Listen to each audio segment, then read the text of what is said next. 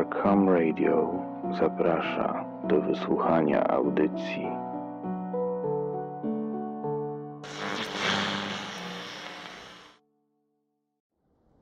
Głos zadrżał delikatnie w tym momencie, co wychwycił jedynie Stanisław pośród westchnięć ulgi, które rozbrzmiały na sali. Ochmistrz, wznowiwszy opatrywanie, nie przerwał wywodu.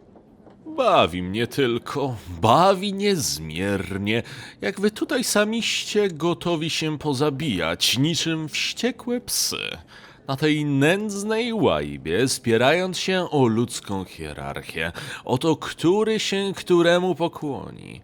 Brak już nam ofiar, mało oddaliśmy wodzie, a może i ciebie, bosmanie, wraz z oficerem ogarnęło szaleństwo, jak tego klechę, czy jak...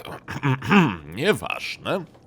Gryziecie się, jakbyście wpływ mieli na coś, miast starać się i pracować uczciwie. I wciągacie te szczury w wasze psie boksy. Spojrzał w ten czas na Artura, wciąż podtrzymującego Bosmana. Tak, o tobie to mówię, dryblasie.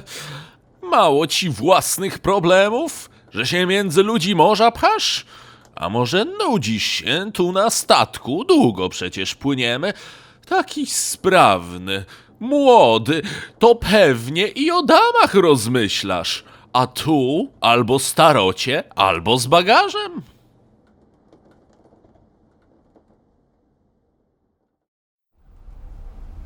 Ledwo zamknął metalowe drzwi, rozległo się natarczywe pukanie.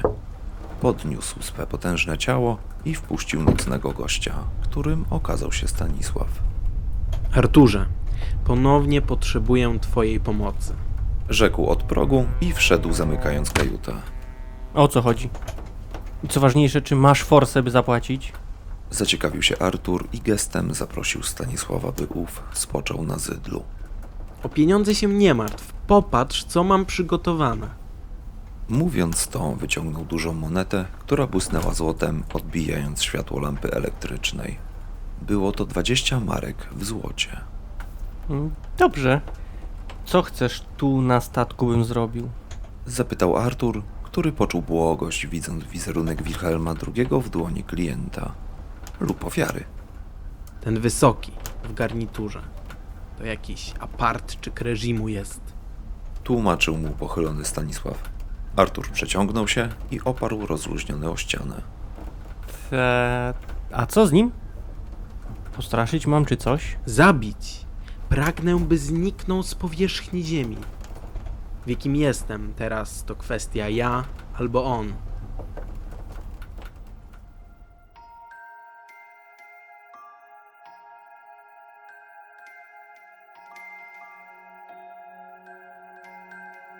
Stoi na czarnej ziemi, pod czerwonym niebem i czarnymi chmurami.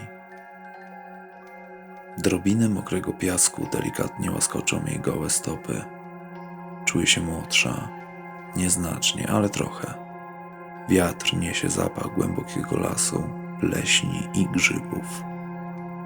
Podchodzi do dwóch potężnych drzew wyrastających obok siebie ze smolistego podłoża nie lgną do siebie, a wręcz przeciwnie. Odchylają niczym obrażeni kochankowie podczas swary, tworząc kształt litery V. Wzrok jej nie sięga koron. Widzi tylko pnie. Pną się w górę, chowając gałęzie przed jej wzrokiem pośród karmazynu niebios. Nagle gleba przed drzewami zaczyna się poruszać. Pulsuje jak bagno chłonące ofiarę, ale to wszystko dzieje się w rewersie. Zamiast tonąć, coś się wynurza. Coś z niej wychodzi.